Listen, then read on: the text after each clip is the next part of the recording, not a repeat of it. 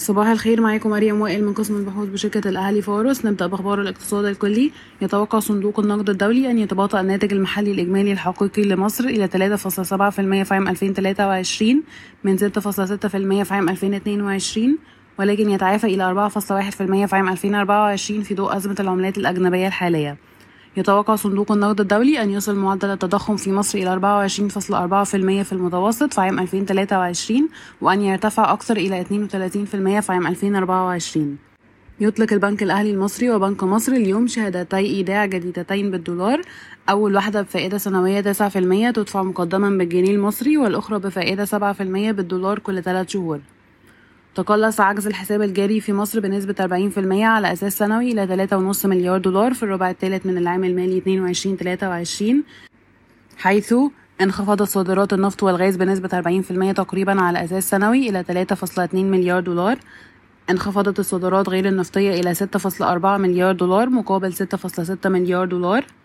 ارتفعت عائدات السياحة بنسبة 25% على أساس سنوي لتصل إلى 3 مليار دولار.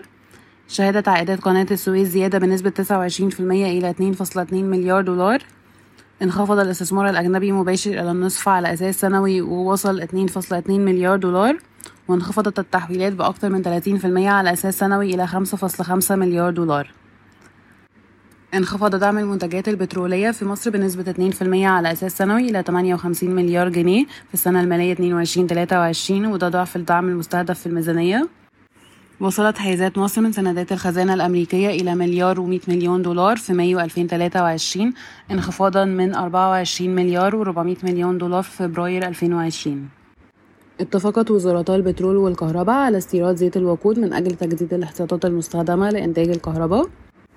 ننتقل لأخبار القطاعات والشركات. أفادت بلومبرج أن الحكومة المصرية طلبت من منتجي اليوريا خفض إنتاجهم مع مراعاة الحاجة للحفاظ على الغاز. تحدثنا مع المنتجين الذين لاحظوا إن التوقف كان لمدة من يوم لأربعة أيام بس الأسبوع اللي فات خلال يوليو وأن مستويات الإنتاج عادت إلى طبيعتها الأسبوع ده. ومع ذلك فإن الأسعار دلوقتي أعلى من 400 دولار للطن. قامت شركة سيلفرستون كابيتال انفستمنتس وهي شركة تملكها شركة القلعة بتحويل 270.5 مليون سهم بقيمة مليار و600 مليون جنيه وتمثل 20% من شركة الطاقة إلى جهاز مشروعات الخدمة الوطنية.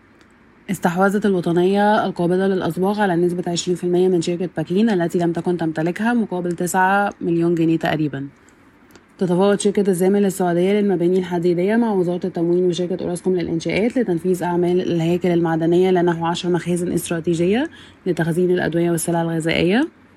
أعلنت شركة فوري عن تقييم التوسع السعودي من خلال المناقشات الأولية مع شركة المدفوعات السعودية بالإضافة إلى ذلك أكدت شركة فوري تقييم إمكانية التقدم للحصول على ترخيص بنك رقمي.